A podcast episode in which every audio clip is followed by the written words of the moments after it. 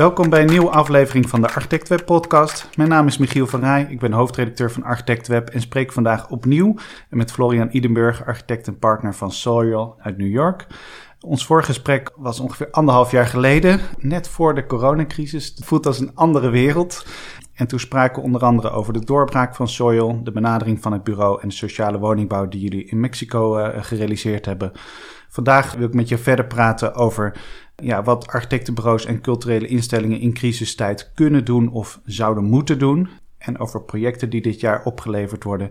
En over de nieuwe Amsterdamse vestiging uh, van het bureau die jullie uh, willen starten. Voordat we beginnen wil ik graag AGC bedanken voor het mede mogelijk maken van deze podcast. Om te beginnen, Florian, hoe gaat het met je?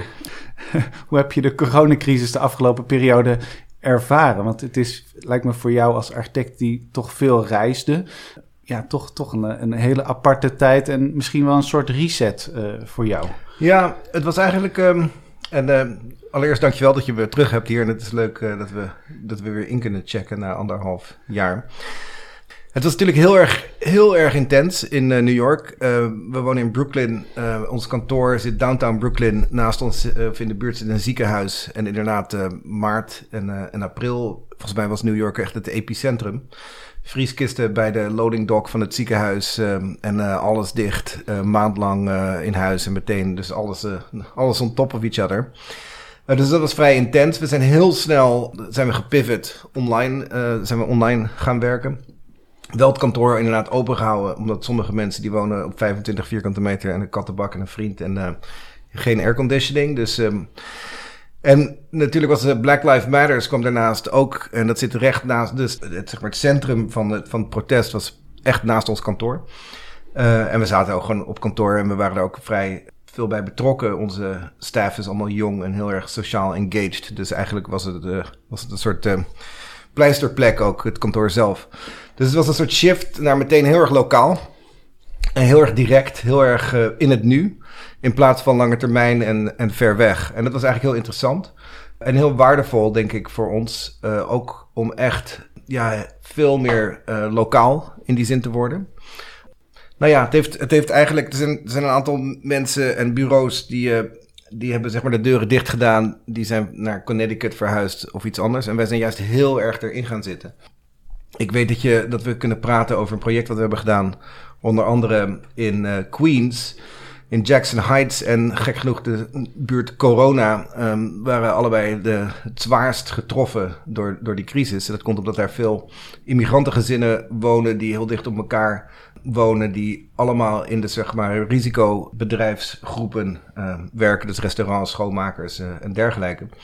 En daar hadden we al eerder, tien jaar eerder, vijf jaar eerder, een project gedaan over, uh, over homecoming. En eigenlijk het een soort idee over identiteit. Dus daar hadden we ook contacten en, en, mensen die we kenden. En wat we hebben gedaan is eigenlijk met een groep architecten van onze generatie in New York Volunteers Architects Limited. Zijn we, zijn we ons gaan organiseren. En hebben we eigenlijk uh, nou, iets van 50, 60 uh, bedrijven geholpen te heropenen. Uh, met vergunningen, met uh, meubilair, furniture en, en dergelijke. Dat was heel erg, ja, heel erg empowering, ook voor, gewoon voor onze staff. Ja, kan ik me voorstellen, want het is inderdaad, je hebt natuurlijk grote verschillen in de, in de Amerikaanse maatschappij. En dit zijn dan inderdaad uh, uh, gezinnen of ondernemers die het eigenlijk een soort van net rondkomen. En dan komt zo'n crisis eroverheen, uh, spreken soms de taal niet goed, hebben niet de middelen om dan dat juridisch uit te zoeken van ja, mag ik op mijn stoep echt iets, iets, iets, iets neerzetten? dus daar konden jullie helpen. Ja, ja. ja dus we hebben echt, um, nou ja. Dat hebben we gedaan. Ja, exact. En ook zelf getimmerd dan? Ja. Of, uh, ja. Nou ja, er waren dus... En uh, ik had ook een stukje geschreven, daar kunnen we het ook over hebben. Maar um, over uh, al, die, al dat plywood dat was gebruikt om al die, um, al die rijke winkels en musea te, te beschermen tegen de looting protesters. En ik dacht, wat gaat er met al dat, al dat hout gebeuren? Nou, we hebben dus mensen bij elkaar georganiseerd, zeg maar we hebben, dat, we hebben al, dat, uh, al dat plywood gedoneerd gekregen. En uh, hebben samen met een, een, man die heeft een timmerbedrijf... hebben we allemaal um, tafels en uh, van die barricades gemaakt... zodat je niet met je auto tegen de dinerende mensen uh, rijden. Ja. ja, precies. En schermen zodat je anderhalve meter afstand kan doen enzovoort. Ja, ja. ja. ja mooi dat je, dat je eigenlijk daar zo, zo betekenisvol kan zijn dan hè? in zo'n in zo'n community. Het is heel interessant, want um, ook eerst toen we aankwamen was iedereen verdacht. Die dachten, oh dat zijn de inspecteurs. Oh, ja. um, dus het, het, heeft echt tijd nodig om ook het vertrouwen te wekken. Omdat dus architectuur in de VS vaak wordt gezien als een soort luxe product. Komen die mensen helemaal niet in contact met architecten. En ja, is er een soort suspicion in het begin. Dus het was heel, het was heel erg interessant. Het was een heel goed proces. En nu hebben we daar hele goede contacten natuurlijk. En helpen we de, de, de winkeliersvereniging met allerlei dingen. En dat is allemaal vrijwillig, maar dat is wel echt de moeite waard. je noemde al eventjes jouw opiniestuk over uh, de musea, hè, die dan inderdaad normaal gesproken uh, fantastische uh, transparante entrees hebben. En dan in één keer, dus uit angst voor plunderingen, alles dicht timmerde, uh, zwaar bewaakt. Wat, wat hadden ze anders moeten doen in jouw optiek? Nou, het is een heel interessant probleem. En ik ken natuurlijk heel veel mensen in de museumwereld. En dat stuk, dat uh, heeft ook me een aantal... Ik heb wat minder vrienden daar nu. Maar dat, ik, was, ik, ik vond het echt... ja, ik vond het echt beschamend alle theaters die, want het was heel warm tijdens de Black Lives Matter uh, protesten. Alle theaters die openden hun lobby's en die maakten hun wc's en hun water uh, beschikbaar. En alle musea die, uh, die zetten de deur dicht met grote stellages en grote gewoon aftimmeren.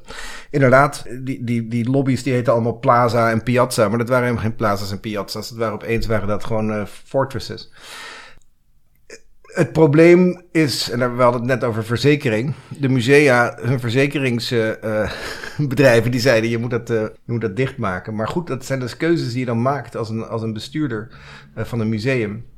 En het is interessant, want alle musea die, die weten niet precies hoe ze moeten reageren op de, op de huidige crisis. Hier ook, alle musea zijn dicht. Iedereen wil iets doen, maar ze kunnen eigenlijk niks. Dit was een heel goed voorbeeld geweest waar ze juist een hele radicale stance hadden kunnen nemen. En inderdaad, het publiek, waar nou ja, zoiets als het New Museum van, uh, of Contemporary Art, waar ik zelf aan heb gewerkt. Dat is voor een jong en progressief publiek. En opeens was het zo, uh, ja, ik vond het echt chockerend. Dus dat, uh, dat heb ik geuit.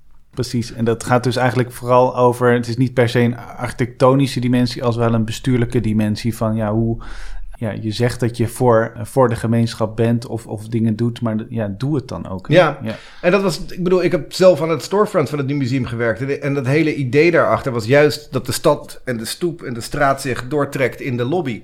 Dus ik voelde me ook eigenlijk, ja, ik was er echt boos over. Want ik, Kijk, architecten die, die doen mee aan dat soort uh, lingo. Uh, Liz Diller, Diller's Video, die noemde de begane grond van het MoMA ook eigenlijk gewoon een stad. Maar die zat ook helemaal dicht. Dus als, als je, als, bedoel, we, zitten daar ook middenin als architecten. We praten daar natuurlijk ook, we gebruiken die taal.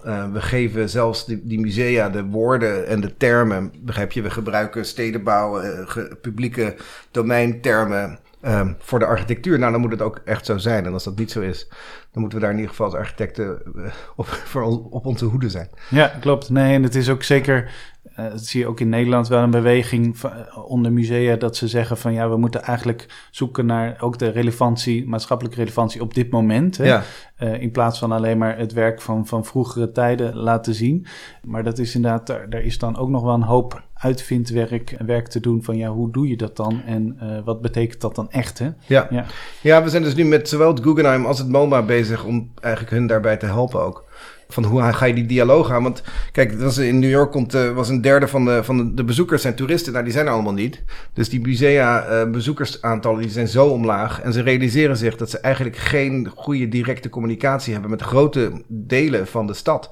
Uh, dus hoe krijg je de mensen uit Queens naar, naar het MoMA in plaats van de mensen uit China naar het MoMA? En dat is wel, dat zijn de vragen waar ze nu als instituten mee, mee dealen. En als je 25 dollar voor een ticket moet betalen, nou dan betekent dat dus um, dat ze of hun businessmodel moeten aanpassen. Of ja, dus ja. er zit echt een soort grote vraag daar nu. Het is heel interessant. Ja, ja, en eigenlijk zeg maar, boeiend is natuurlijk ook dat die instituten vaak vanuit een soort weldadigheid, of hoe noem je dat? Mecenas idee bedoel je? Of Precies, soort, ja, exact ja. Uh, zijn ontstaan. En dat je dan een eeuw later uh, dat eigenlijk opnieuw moet bevragen. Hè, ja. Van waar zijn wij nou voor op aarde? Hè? Ja. ja. Maar kijk, alle musea in, uh, in, in de VS zijn natuurlijk privé. En die zijn vaak ook echt uit privé-collecties begonnen.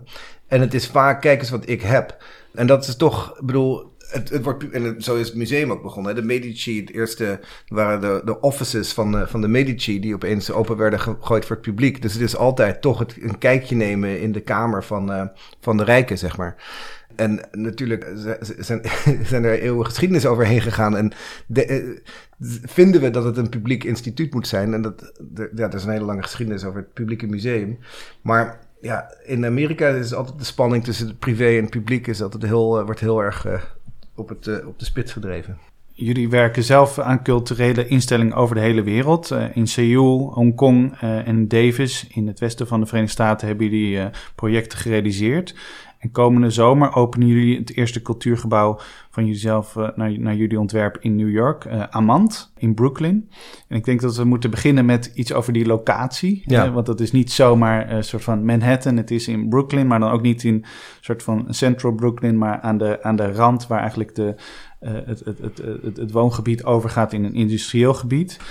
En uh, nou ben ik bij mijn vorige bezoek aan New York, waar ik ook jouw studio uh, bezocht heb, ben ik daar ook wel in zo'n soort gebied geweest. En ik vond het heel onherbergzaam. Uh, veel gesloten gevels, oude panden, uh, uh, weinig reuring op straat. Maar als je dan, dat vond ik wel fascinerend, als je dan met locals meegaat, dan blijken in één keer hele interessante plekken te zitten en hele mooie bars. Wat voor, wat voor plek is, is dit en, en waarom wilde Amand juist daar iets openen? Ja, het is dus een industrieel uh, uh, gebied. Dus iedere wijk in New York heeft een bepaalde zoning. En dit is gewoon manufacturing. Dus dat zijn eigenlijk allemaal uh, één verdiepingen loods, eigenlijk allemaal loodsen. Het zit vlak ten zuiden van Queens. Daar zit daar een van de meest vervuilde kanalen in, in de Amerikaanse, in, in, in Amerika. Tussen Queens en, en Brooklyn. Dus er zit niet veel, uh, er zit ook veel troep in de, in de grond. Dus het is duur om daar dingen uh, echt van de grond te krijgen. Dus laten mensen daar lekker hun, uh, hun oude pakhuizen en warehouses staan. Dus naast ons zit een abattoir. En aan de andere kant zit een soort truck body shop waar ze gewoon met trucks bezig zijn die op te kalevateren en weer door te verkopen. Nou, er zit dus een industrie en dat zijn allemaal zeg maar kleine groepjes uh, mensen met bedrijven. Dit, waar, uh, het pand zelf, dus er is een, een stuk hergebruik en een stuk uh, nieuwbouw. maar daar zat een soort steenslijperij zat erin. Dus het was, ja, was, werd gewoon stukken steen werden uit elkaar ge, gezaagd. Er zit iets van een hele, ja, toch verloederde woningbouw tussen. Dat zijn, dat zijn huizen die stonden daar voordat het manufacturing werd. Dus daar zit geen geen groeimogelijkheid ook in. Dus het is eigenlijk een vrij, ja, het is een hele, uh, zeg maar, faciliterende wijk, zo te zeggen. Waarom gingen ze daar naartoe? Uh, ten eerste was het natuurlijk was het goedkoper om daar naartoe te gaan. Het is, um, het is een ambitieus uh, project en een ambitieus programma. Het is inderdaad voor een privé initiatief, maar het is heel erg publiek in um, haar missie. Dus het is iemand die, um, die ook op de board van, het van het MoMA bijvoorbeeld zit. En heel veel van die mensen die maken musea voor hun eigen collectie als een soort showcases. Zij was heel erg geïnteresseerd meer in, in, precies het probleem dat New York te duur wordt voor kunstenaars om, um, om te zijn. Dus ze zei, hoe kunnen we gewoon ruimte aanbieden aan kunstenaars? Echt heel, uh, heel erg genereus. Om, om hier te zitten en hier te werken. En, um, en werk te... Nou, ze hoeven niet eens werk te maken. Ze, ze, mogen daar gewoon zitten. Dus het is echt als een soort oase eigenlijk. Of als een soort pleisterplaats um, in die buurt dus er zijn twaalf mensen per jaar. Dus iedere uh, drie maanden komen er vier nieuwe kunstenaars. En die krijgen daar studioruimte en ruimte om tentoonstellingen te maken, ruimte om te performen. Dus in een performance space. Uh, en dat wordt allemaal gefaciliteerd. Dus dat is ook uh, ja, een hele generous move eigenlijk. Het is inderdaad een soort maakplaats voor kunst. Dan, ja, hè? ja. En, en wat hebben jullie dan vervolgens ontworpen? Eigenlijk een ensemble rond een aantal binnenplaatsen. Maar de, de volumes zelf hebben jullie als ik het zo zie, wel vrij gesloten gehouden. Wat is het verhaal daar? Nou, het is interessant. We dachten, kijk, als je op die straten loopt, dan zie je alleen maar rol, uh, rolluiken en, uh, en dichte deuren. Dus we dachten, we moeten eigenlijk die ervaring van die stad. Want er, het is af en toe heel erg publiek. Deze ruimtes zijn performances, de tentoonstellingen zijn publiek. Er is een boekshop en een, uh, en een café. We dachten, waarom zullen we niet de meest publieke functies, in plaats van die direct aan de gevel te leggen, zo diep mogelijk in de blokken te leggen? En ik moet je, het zijn dus drie kavels, hè, die, ehm, die, verbinden, die verbinden eigenlijk twee straten met elkaar. Dus we dachten, we maken de meest publieke functies zo diep mogelijk in het blok. Bijna een soort Berlijnse uh, ervaring, waar je door een soort binnenhof en nog een binnenhof. en dan aan het eind kom je ergens. Uh, en dat is een heel, ja, echt een stedenbouwkundige uh, oplossing. En dus van buiten lijken die gevels vrij anoniem eigenlijk. Het is ook een, uh, ik bedoel, het is ook een plek waar waarschijnlijk zodra we open zijn, wordt die meteen helemaal uh, gegraffitied en, en ondergespoten. Dus daar, ehm, daar, daar hadden we ook niet heel veel. dat moest gewoon redelijk industrieel worden ehm, weergegeven. Maar dan zodra je binnenkomt, is er transparantie, zijn er tuinen en is het eigenlijk een soort oase. En dat idee van oase, um, ja, dat speelde daar echt in mee. We hebben dus vier gebouwen uh, staan er. Uh, twee aan de ene site en twee aan de andere. Eentje is een hergebruik. Uh, aan de ene kant zitten vooral de, de zalen en, en het kantoor en de boekshop en het café. Dus daar, die, wordt echt, die is altijd zeg maar open en publiek. En aan de andere kant van de straat zitten die vier studio's en die performance space. En dat wordt dus dat wordt open als er een performance uh, is. Ja, ja. ja. Ja, en ik vind het wel grappig dat je dat, als we het even relateren aan die dichtgetimmerde musea. Uh, dit is dan ook vrij gesloten, uh, maar eigenlijk pretendeer je hier ook geen transparantie met, met glas, maar eigenlijk in het gebruik doordat je er doorheen kan. Hè, de, eigenlijk die blokken openen, een heel ander soort publiekheid. Hè? Ja. ja, nou dat was interessant, want het is een privé. Um, instelling. Dus het was ook van hoe geef je. En we hebben eerder een ontwerp voor deze uh, organisatie gedaan, die is niet doorgegaan. Maar dat was, daar zat ook heel erg te denken over hoe maak je iets dat laat zien dat het niet. Het is niet een helemaal. Het is niet het MoMA, zeg maar. Het is niet uh, iedereen uh, kan binnenkomen lopen. Iedereen is welkom daar. Maar het is niet. Ze zijn ook niet geïnteresseerd in bezoekersaantallen, bijvoorbeeld. Ze, zijn, ze, hebben, ze hebben geen goals. Wat, dat, nou, ze willen gewoon die mensen een fijne, rustige plek geven waar ze kunnen werken.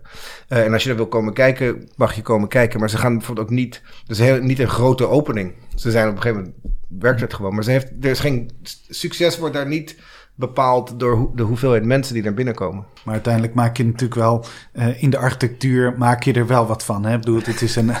daar, daar, ja. daar, daarvoor ben je natuurlijk uh, als architect ook op aarde om dan toch die gevels ja, een mooi relief te geven. En, nou, we hebben dus heel erg gewerkt met de industriële materialen daar, de staal en beton en, uh, en, en baksteen. En, maar juist ja, daar toch een soort verfijning aan te geven. Dus alle, alle gebouwen eromheen die zijn ook allemaal uit staal en beton en baksteen gemaakt.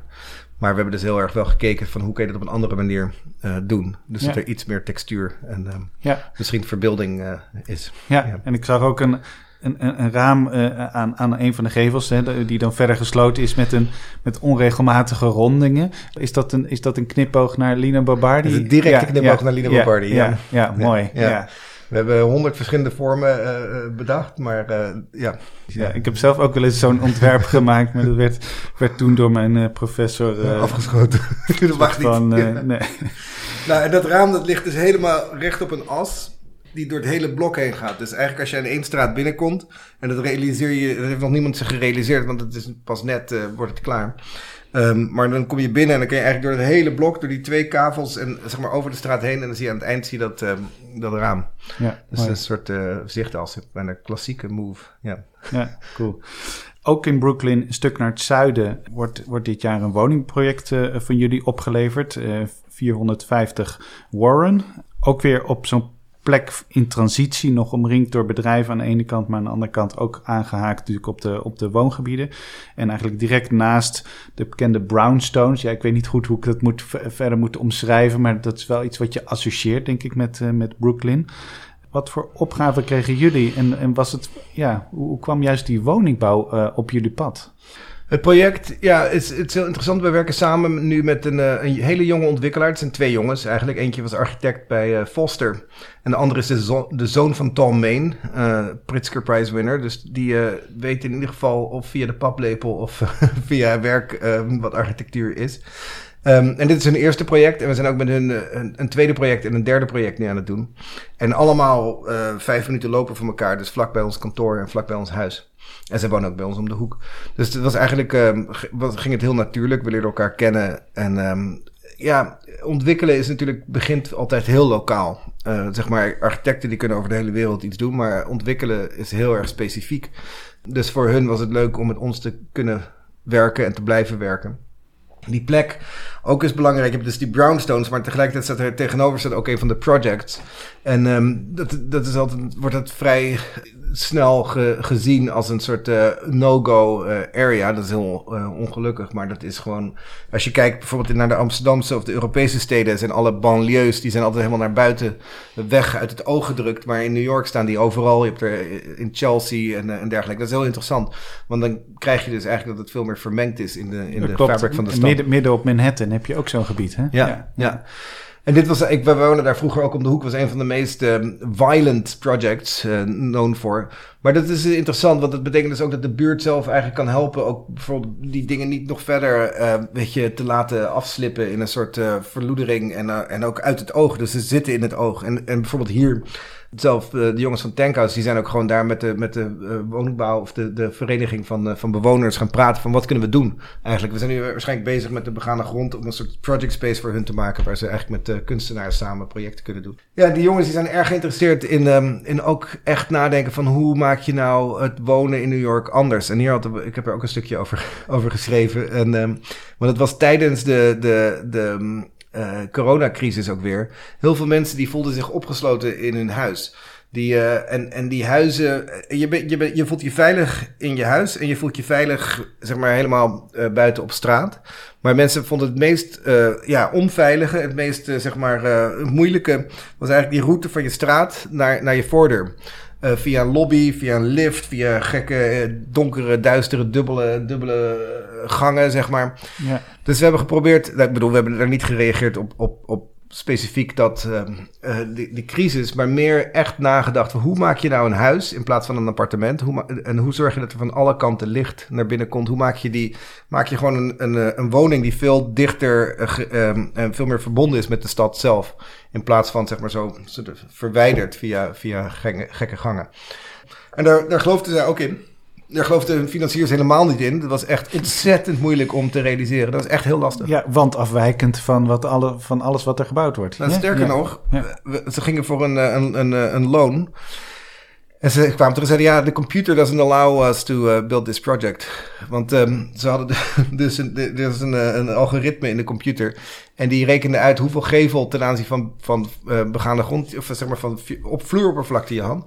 En ze zeiden, mag niet. Je hebt te veel, te veel buitengevel per vloeroppervlak. Je hebt te veel relatie met de stad. Want je moet dus, je mag dus, je moet dus je scheidingswanden met je appartement hebben. Maar je mag maar één buitengevel hebben, maar wel drie buitengevels. Dus dat is veel ingewikkelder.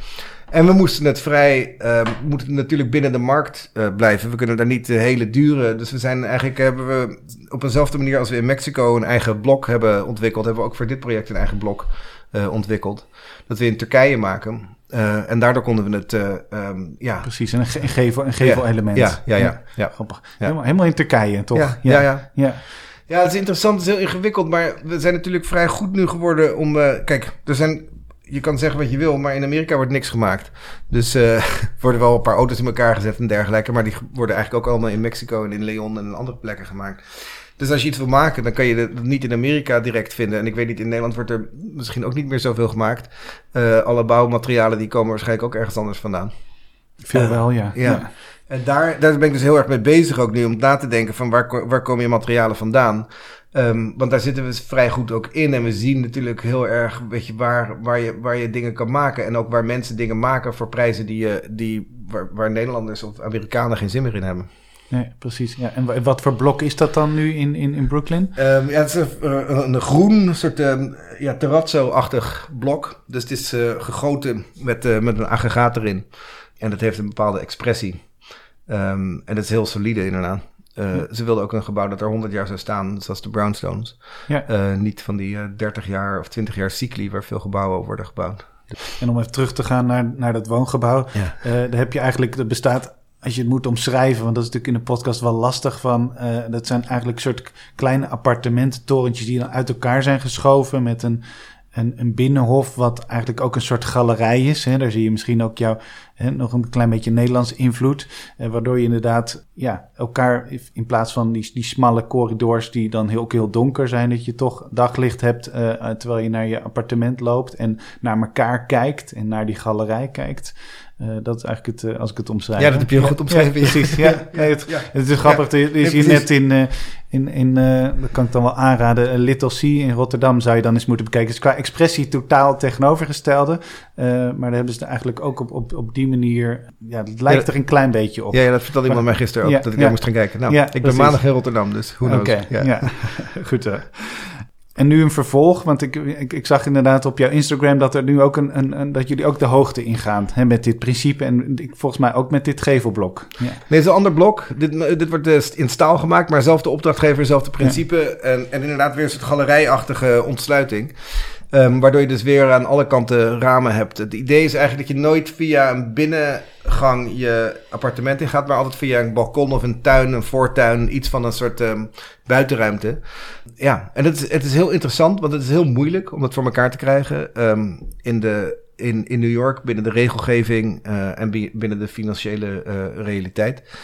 Maar gelukkig kunnen we dat met die jongens uh, doen. En die willen nog wel even door, dus het is een prima ik bedoel, het is heel, um, heel zeldzaam dat je zo'n relatie ook vindt. Hè? Dus, um, want we hebben eigenlijk nog nooit iets commercieels gedaan. Uh, en, en het was echt voor ons ook echt, uh, we zoeken, maar we, we, ik heb nog nooit zo'n goede samenwerking eigenlijk gehad. Ook omdat ze architectuur heel goed begrijpen die jongen van Foster, die kan prima een gevel detailleren en weet hartstikke goed hoe je dat in elkaar zet. En, uh, en zijn ook heel erg resourceful. Dus het is een hele goede, ja, het is echt een leuke combinatie. Dan hè, aan deze kant van de oceaan uh, in Europa, in de Vogese, uh, opent deze zomer weer een heel ander soort project. Site Verrier of Site Verrier in het dorpje Meisentaal. Ja. dat klinkt dan wel weer, hoe zeg je dat op zijn Frans? Want dat is eigenlijk... Ja, Meisentaal, maar ze spreken ook liever Duits daar dan Frans. Het zit echt op de randje, steenworp afstand zeg maar van, uh, van Duitsland. Ja. En was ook natuurlijk op een gegeven moment uh, Duits. Dus het is echt waar de grens links of rechts kan liggen, zeg maar, de Vogezen. Ja, interessant, precies. Het is Commune du Beach, dus dat okay. linkt dan weer heel erg Frans. Ja. Precies. In, in, een, heel een klein dorp, er wonen nog geen duizend mensen. Nee. Maar er zit ja, op de plek van een oude glasfabriek is daar toch een cultureel centrum ontstaan wat een hele grote uh, uitstraling heeft. Ja, wat, wat was de opgave daar? Dat is heel interessant. Het is dus, um, het zit, dat, dat hele gebied in de Vorgezen, uh, daar zit de echte hele oude geschiedenis van de glasindustrie. Dus Meisentaal was ook een, een, een brand, zeg maar een glasmaker. En uh, zit daar ook in de buurt. Dat kennen mensen misschien wel, dat is vijf minuten rijden. En ja, zoals veel van dat soort regio's die een industrieel verleden hadden, die zijn op zoek naar eh, van hoe, um, hoe, hoe animeren we deze plek nu en hoe, um, hoe maken we dit een, een plek waar ook de economie uh, nog uh, voortgang kan blijven vinden. Dus hebben de route du feu, dus de, de route van het vuur, hebben ze daar bedacht, waardoor je dus mensen ja, probeert van, van die een, dat ene dorp naar het andere dorp, naar, naar het andere dorp te laten gaan. Dat is heel leuk om te fietsen of als je iets minder te been bent, kan je dat ook met de auto doen. Um, En dit was daar, is daar onderdeel van. Dus Lalique heeft een museum gebouwd. En hier wilden ze eigenlijk iets dat veel meer um, voor een soort populaire uh, cultuur is. Lalique is een beetje uh, voor, voor, de, ja, voor de fan, zeg maar. En er waren al drie organisaties die gebruik maakten van dit uh, fabriek. En die fabriek ligt echt in het centrum van de stad. Ik bedoel, dat hele, of van dat dorpje. Dat dorpje, gewoon de, de, dorpsplaats is eigenlijk de fabrieksbinnenplaats. dus er zitten er zit een oud uh, uh, gebouw, dat werd al gebruikt als zeg maar, het administratieve gebouw van de, van de fabriek. Die is in de jaren 60 uh, failliet gegaan. En er was een klein tentoonstelling van die geschiedenis van dat bedrijf. Dat wordt nu een echt um, ja, full-on museum van, van die geschiedenis en de regionale geschiedenis. Dan waren de glasstudio's, die werden gebruikt door een aantal lokale kunstenaars. Maar blijkbaar um, is het een van de main, um, ja, echt adressen in de internationale glasblaaswereld. En daar hebben we al twee nieuwe studio's uh, gebouwd. En dat is echt een soort plek ja, waar, waar veel internationale glasblazers graag uh, komen. En die hebben dan residencies en dergelijke. En dan is er de fabriekshal, de oude fabriekshal. En daar werden concerten georganiseerd. Daar hebben we een soort blackbox theater in gemaakt. Uh, waardoor ze veel betere akoestische uh, performance kunnen hebben. En, die, en we hebben eigenlijk een zaal gemaakt die naar twee kanten zich oriënteert. Dus het podium kan zeg maar open naar die blackbox. En dan hebben ze een helemaal omsloten ruimte.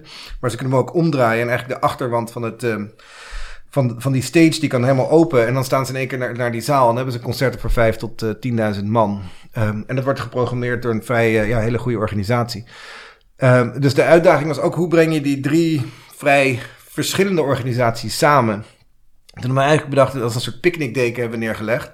Uh, want die zit ook op verschillende uh, maaiveldniveaus. Het is een vrij ja. heuvelachtig dorpje. Ehm, dus dat, uh, dat is de ingreep. Ja. En dat is dan inderdaad een, een, een, betonnen, een betonnen vlak wat dan curved, wat dan eigenlijk alles, de hoogteverschillen en, de, en eigenlijk de nieuwe logistiek uh, ook, ook organiseert met nieuwe, natuurlijk een cafeetje, een winkel, uh, alles Education. wat er dan uh, ja. bij, bij hoort. Precies. Ja, we zullen zien. Ik ga er morgen naartoe, dus... Ja, en wat natuurlijk een beetje lastig is, het is, het is in, in Frankrijk kunnen ze natuurlijk prachtig in beton bouwen. Dit is ook helemaal in schoon beton maar beton krijgt natuurlijk, dat is de afgelopen jaren ook alweer heel snel gegaan eigenlijk. Van een, een, slechter imago, omdat er zoveel CO2-uitstoot uh, uh, bij komt kijken. Hoe, hoe, hoe, kijk jij daar tegenaan? Dat is geestig, want ik was er, ik was er denk ik vorig jaar ook. Toen dacht ik, jezus, is wel heel veel beton. En um, dit project hebben we, zijn we al volgens mij acht jaar mee bezig. Dus ik denk dat ik dat nu ook misschien wel anders zou doen. Maar ik weet wel waarom we, uh, waarom we dat hadden bedacht. Want glas, we dachten hoe kunnen we dat idee van dingen die vloeibaar zijn, die dan uh, solide worden. Dus het was echt van uh, ook een nadenken over, uh, ja, en, en de glas is eigenlijk ook een keramiek natuurlijk, dat, dat, dat mm -hmm. heel warm ja. en gesmolten wordt en dan later haar vorm vindt. Dus we vonden dat idee van het vloeiende, dat dan um, solide wordt, dat, dat is eigenlijk hoe we daarover na dacht op dat moment. En ik denk inderdaad, misschien hadden we dat nu anders gedaan, maar uh, ja, het is uh, acht jaar geleden dat we, dat we die prijsvraag deden. Ja, precies. Uh, en ik denk dat er veel, veel meer bewustwording ook is en ook informatie is dan, dan acht jaar geleden. En als we het dan hebben over bouwmaterialen, um, jullie zijn aanjager van het initiatief Design for Freedom, dat eigenlijk moderne slavernij in de bouwketen wil uitbannen, van de winning van grondstoffen tot de verwerking op de bouwplaats. Zijn er nog zoveel misstanden in, in, in, op de plekken waar, waar jij werkt, in de VS, in Europa, in Azië? Heel ingewikkelde vraag ook weer, maar ook daarom vond ik het erg interessant. Um, we weten heel veel van die dingen niet. Ja, als wij als architect op de bouwplaats komen en dan zien we dat het goed geregeld is en er is veiligheid uh, en dergelijke, dan, uh, dan denk je, nou, dat zal wel goed zitten. Maar we weten van verhalen in, uh, in Qatar en, andere plekken waar het minder goed zit. Daar dat zien we zelf niet misschien. Of daar, daar, um, daar zeg ik, daar doe ik niet aan mee. Maar waar we helemaal niks van af weten. En dat is echt indrukwekkend hoe moeilijk het is om uit te vinden waar jouw bouwmaterialen zelf vandaan komen. Ja. Je weet misschien de leverancier en die heeft weer een andere onderleverancier. Maar daarna weet je het eigenlijk niet meer. En vooral in het winnen van rauwe materialen zit heel veel slavernij nog echt um, over de hele wereld in kinderarbeid. En we weten er niet genoeg vanaf. Dus ik ben eigenlijk vooral het idee waarom ik hier ook uh, deel van wilde zijn, is omdat ik denk dat daar. Kijk, hoe kan je. We willen allemaal als architecten willen we iets, uh, iets goeds doen. Of nou, ik denk misschien niet iedere architect, maar in principe proberen wij in ieder geval te kijken van wat kunnen we doen. Behalve zeg maar het, eh, het, het satisfyen van de opdrachtgever. Hoe kunnen we zorgen dat we in onze acties iets doen dat verder bijdraagt. En we hebben natuurlijk meegedaan aan alle protesten en daar, eh, we schrijven af en toe een stukje. Maar uiteindelijk, waar zit de leverage, is in hoe je je materialen kiest. Um, en daar vond ik, en vind ik nog steeds, kijk, we kijken, we zien iets, we hebben een sample bij ons in de, in de, in de bibliotheek, materiaalbibliotheek liggen. En dan zeggen we, nou, glimt leuk en we kunnen betalen. Dat is ongeveer de informatie die we hebben over, over een materiaal. Dat is echt niet genoeg als je, als, je, als je wil nadenken en als je meer bewuster wil omgaan. We weten meer wat er in onze yoghurt en in onze muesli zit dan wat er in onze gebouwen zit. Dus daar, daar moeten we echt, uh, denk ik als architect, heel veel uh, werk aan uh, besteden. En daar zijn we nu echt mee bezig. We, proberen nu onze hele materiaalbibliotheek zo te organiseren dat we meer bewust zijn van hoeveel CO2 zit erin, maar ook weet je wat voor labor practices zijn erbij betrokken voordat je zo'n materiaal kiest. Ja, ja, het moeilijke is dan wel ook dat je, dat, dat zie je natuurlijk een brede beweging om ook vooral uh, locally sourced te werken. Hè? Dus ja. met, uh, dat, is, dus in Nederland bijvoorbeeld heel lastig, er is te weinig hout momenteel. Ja. want, en dat moet ook zo bovendien meestal van verder komen, maar, en dat zou je wel anders willen. Maar de, de, de hele andere kant is dat juist die ontwikkelingslanden natuurlijk ook ja, in zekere zin wil je ook weer niet buiten de boot laten nee. vallen. Hè? Dat is natuurlijk de, maar dat, dat, dus, dat, is het hele, dat is het, het hele moeilijke nou, eraan. Nou, precies, dus wij, wij en, maar daarom zit ik ook in deze organisatie om ook daar ook een soort helderheid over te geven. Want wij zijn al, al jarenlang maken we dingen met mensen uit plekken die anders uh, met, met vrij min, minder interessant werk bezig zouden zijn. Uh, dus we hebben die ringen in Korea, hebben in China in een dorpje gemaakt. Nou, daar zouden ze anders frituurpannen maken. En, um, en hetzelfde, we maken nu heel veel dingen in Mexico, we maken heel veel dingen dus nu in Turkije. En het is eigenlijk hartstikke leuk om met al die mensen te werken. En, daar, en, en ook te zien dat voor heel veel van dat soort, uh, uh, de mensen die, die in die plekken werken, dat is voor hun een, een manier van leven. Dus is, het, is niet, het is niet zo simpel. Het is helemaal niet makkelijk. Maar, en ik denk juist om daar ook een nuance aan te geven aan deze organisatie. Die zit dus in, uh, in Grace Farms, dat uh, gebouw dat, dat Sana heeft ontworpen in, daar in Connecticut. Dat is een van de meest chique wijken, zeg maar, buiten de stad. Daar kan je heel leuk salonveeg, allemaal uh, goodwill gaan. maar ik, ik vertel ook af en toe gewoon de realiteit van onze ervaringen. En het is juist eigenlijk dat soort... Um, connecties. Want er zit natuurlijk heel veel leverage en power bij dat soort uh, organisaties ook. Het is dus, gaat direct naar, uh, naar de financiële wereld ook en dergelijke. Dus het is ook vooral eigenlijk aan die kant helpen dat die mensen eigenlijk weten wat er aan de hand is en, en juist de beslissingen nemen. Ja. ja, ja, en uiteindelijk dan dat we naar een duurzamere architectuur gaan op, op zoveel vlakken. Hè? Niet alleen op, op milieu-impact, maar ook inderdaad een, een, de, de, Sociale humane, uh, ja. ja. Nou, en dat, dat zie je misschien in Nederland veel minder, maar dat is natuurlijk in de rest van de wereld is dat een, echt een, een, een, veel urgentere vraag. Ja, dat durf ik ook bijna niet te zeggen, want je kan niet zeggen dat, dat sustainability niet urgent is. Nee. Maar dat, voor sommige mensen, dat heb je natuurlijk ook gezien met de protesten in Frankrijk. Zeggen ja, als ik, als ik niet naar mijn werk kan in de auto, dan, uh, dan is er helemaal niks te behouden. Überhaupt niet. Dus dan, dan wordt sustainability als een luxe probleem gezien. Ik denk dat het, dat dat, daar moeten we wel, uh, moeten we ook wel ons realiseren dat in Nederland hebben we de, de luxe om sustainability een probleem te maken. Maar er zijn heel veel mensen die hebben die luxe niet. Dan uh, naar jullie studio of hub in, die jullie in Amsterdam uh, oprichten. Wat is de achtergrond daarvan en wat zijn jullie plannen? Ja, ik kan daar nog niet heel erg veel over vertellen, maar ik kan wel ik kan vertellen wat ik kan vertellen. En dan kan je doorvragen wat je, ja. wat je wil vragen. ik, uh, ik ben Nederlander, ik, ik kom hier uit het, Ken het Kennemerland. Uh, we zijn al jaren bezig of uh, aan het kijken waar zou er een, een, een, een, een, mogelijkheid zijn om iets te doen. We hebben meegedaan aan Arta, aan de prijsvraag daar, of aan het Frans Hals Museum in Haarlem hebben we helemaal ontworpen. Maar uh, hebben we ook nog geen, geen beweging in kunnen zien. Dus we zijn altijd bezig natuurlijk. Um, hier. tussendoor nog een tender meegedaan, ja, weet ik. Precies, ja, precies, hier en daar. Helaas niet gewonnen. Nee, ja. dus zo, ik, kijk, dus natuurlijk... Um, het, moet een, het moet, er moet een match zijn. Het, kijk, het zijn hartstikke goede architecten hier in Nederland. Dus heel vaak heeft het helemaal geen zin om iemand van, uh, van buiten over te vliegen. Dus ik, het lijkt mij vooral leuk om persoonlijke reden om hier iets te doen. En ik denk ook toch dat we ook iets kunnen toevoegen. Niet overal, maar er zijn natuurlijk plekken waar we wel iets kunnen bijdragen. En, en ja, daar, daarom zit ik hier. Niet alleen maar daarom. Hè. Ik, ik denk dat er een andere reden die ook nog, die eigenlijk heel erg belangrijk is en ook echt meespeelt we zijn geen Amerikaans bureau, maar we worden vaak wel als een Amerikaans bureau gezien. En uh, we werken over de hele wereld. En soms willen mensen niet met een Amerikaans bureau werken. Dus ik, ik, ik wil eigenlijk ook een beetje af van het idee dat wij een, een, een Amerikaans bureau zijn. Dus ik denk, eh, een van de redenen um, is omdat we graag hier iets zouden doen. Maar ik denk dat het ook belangrijk is dat we dit veel meer zien als een plek van, uh, uit waar we ook in andere plekken in de wereld werk kunnen doen. Er was een tijd, het is nu een beetje aan het veranderen, maar New York is ook vrij duur om een kantoor te hebben. Echt uh, vaak drie keer zo duur dan, uh, dan een kantoor bijvoorbeeld uh, hier. Ik heb het een keer ook met Kirsten Geerts van Office vergeleken. En inderdaad, Brussel zou ook een hele aantrekkelijke plek zijn. En als je over de hele wereld werkt, en we willen ook gewoon onze mensen goed kunnen betalen en een, en een decent leven geven. Maar dat betekent dat we vaak duur uitkomen. en dat is gewoon de, de realiteit van de, van de economie. En daarin zou het goed zijn voor ons om ook gewoon een alternatieve plek te hebben van waarom, waar, waarvanuit we werk kunnen doen. Waar, ik denk dat hier in, in Nederland is het algemeen de levensstandaard. Ja, dat is gewoon een soort prijspeil, salaris, uh, fee, uh, levenskwaliteit verhouding.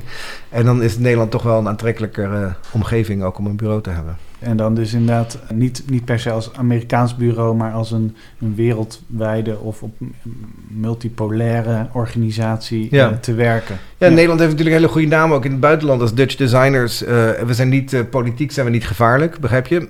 Nederlanders zijn niet gevaarlijk. Nee. dus het is heel makkelijk om, het, om een Nederlands bureau aan te nemen. Dus er komt geen geopolitiek bij kijken. Dat heel anders is. In China zullen ze niet snel een Amerikaans bureau meer aannemen. Nee. En, en wat, voor, wat voor soort projecten hoop je hier dan uh, ja, dat, dat je aan kan pakken? Nou, hier, kijk, dus in Nederland, ik ken natuurlijk vrij veel mensen ook. En er zijn heel veel. Um, ik denk dat wij bijvoorbeeld inderdaad de special kunnen doen. Dus er zijn natuurlijk, uh, inderdaad, is heel veel woningbouw. Daar, we, daar kunnen we niet zoveel aan bijdragen, denk ik. Maar af en toe moet er wel iets komen wat misschien ingewikkelder is of een, een, een bepaalde signatuur heeft. En dan is het wel goed, denk ik, om dat vanuit hier te kunnen doen ook. Dus ik denk dat we toch ja, dat kunnen bijdragen. Wie weet. Ja. Mensen kunnen ons bellen. Ja. Hier was een toll-free number. Ja, precies. Nee, heel goed. Ja, nee, en, en het grappige is natuurlijk ook dat je, als je in verschillende tijdzones werkt, dat je soms ook nog wel werk van elkaar kan overnemen. Hè? Je hebt natuurlijk Precies. vanuit hier eigenlijk, eh, eh, kijk, we hebben met ons zusterbedrijf ook een vestiging in Toronto. Ja, Eh, dat je eigenlijk in de middag heb je dan contact, in de ochtend nog niet. En dan heb je eigenlijk een halve dag overlap, precies. waardoor eigenlijk het contact heel makkelijk gaat. Ja. Ja. Ik denk dat een andere belangrijke reden voor ons ook is dat we zijn, en, zoals je zegt, we zijn een kantoor dat niet echt in nationaliteit gelooft. Dus ons kantoor is heel erg divers. We zijn echt een New Yorks kantoor, niet een Amerikaans kantoor. En juist nu met die hele COVID-crisis en de soort verdere nationalisering, wat je misschien ziet, hè, echt van landen waar mensen alleen nog maar met. met en je, we net over materialen. Mensen willen nog alleen maar uit, een beetje in de, met mensen uit hun eigen buurt werken. Voor ons denk ik dat er juist heel veel, we heel veel kunnen leren van de ander. Van andere culturen en van die uitwisseling. Dus dit is voor ons ook iets om die uitwisseling, zeg maar, veel ehm substantiëler te maken. Ik denk dat er heel veel in Amerika geleerd kan worden van, eh, over hoe er hier in Nederland met duurzaamheid wordt omgegaan. Ik denk dat, dat, dat die discussies hier in Nederland lopen we echt eh, voor. Ik denk in Amerika lopen ze volgens mij veel verder voor op sociale gelijkheid en, eh, en zeg maar racial justice, spatial justice en dat soort dingen. En dat hier in Nederland nog best wel wat daaraan kan gebeuren. En er is een waarde die je kan toevoegen op het moment dat je in beide werelden eh, kan staan. Dus dat is voor mij ook echt, echt belangrijk. Dat, dat het ook een soort eh, expressie is van een waardesysteem waar, waarvan wij altijd denken... Kijk, Jing die komt uit eh, China en is in Japan opgegroeid. Wij denken je kan iets leren van de ander. Je moet je niet afsluiten van de ander. En dat is dus ook waar dit, eh, dit zeg maar, idee achter ligt. Ja, en dat met zo'n vestiging kun je dat inderdaad veel ver, heel erg verstevigen natuurlijk. Ja, ja, ja. ja. Zeker als de vliegtuigen allemaal leeg zijn en je mag niet, eh, je mag niet meer vliegen. Dus, ja. Dus dan kunnen we verwachten dat jij hier vaker bent. eh, of, eh, Wie weet, ja, ja. Ik, ik kan nog gelukkig op en neer. ehm, omdat ik heb een, een green card, ja. Oké, Ja. mooi. Ja. Nou, spannend wat er allemaal uit gaat komen. Ehm, heel veel succes met, met, met, met, met dit avontuur. Ja, En- misschien en over alles- anderhalf jaar kan ik je vertellen wat er allemaal van is, ge- is gekomen. Ja, precies. Ja, ja. En dan over eh, een heel aantal jaar hopelijk het eerste project eh, een keer in Nederland. Wie hè? weet, precies. ja. Dank Florian voor dit gesprek. Eh, dank ook aan AGC voor het mede mogelijk maken van deze podcast. Dank jullie voor het luisteren. Tot de volgende keer.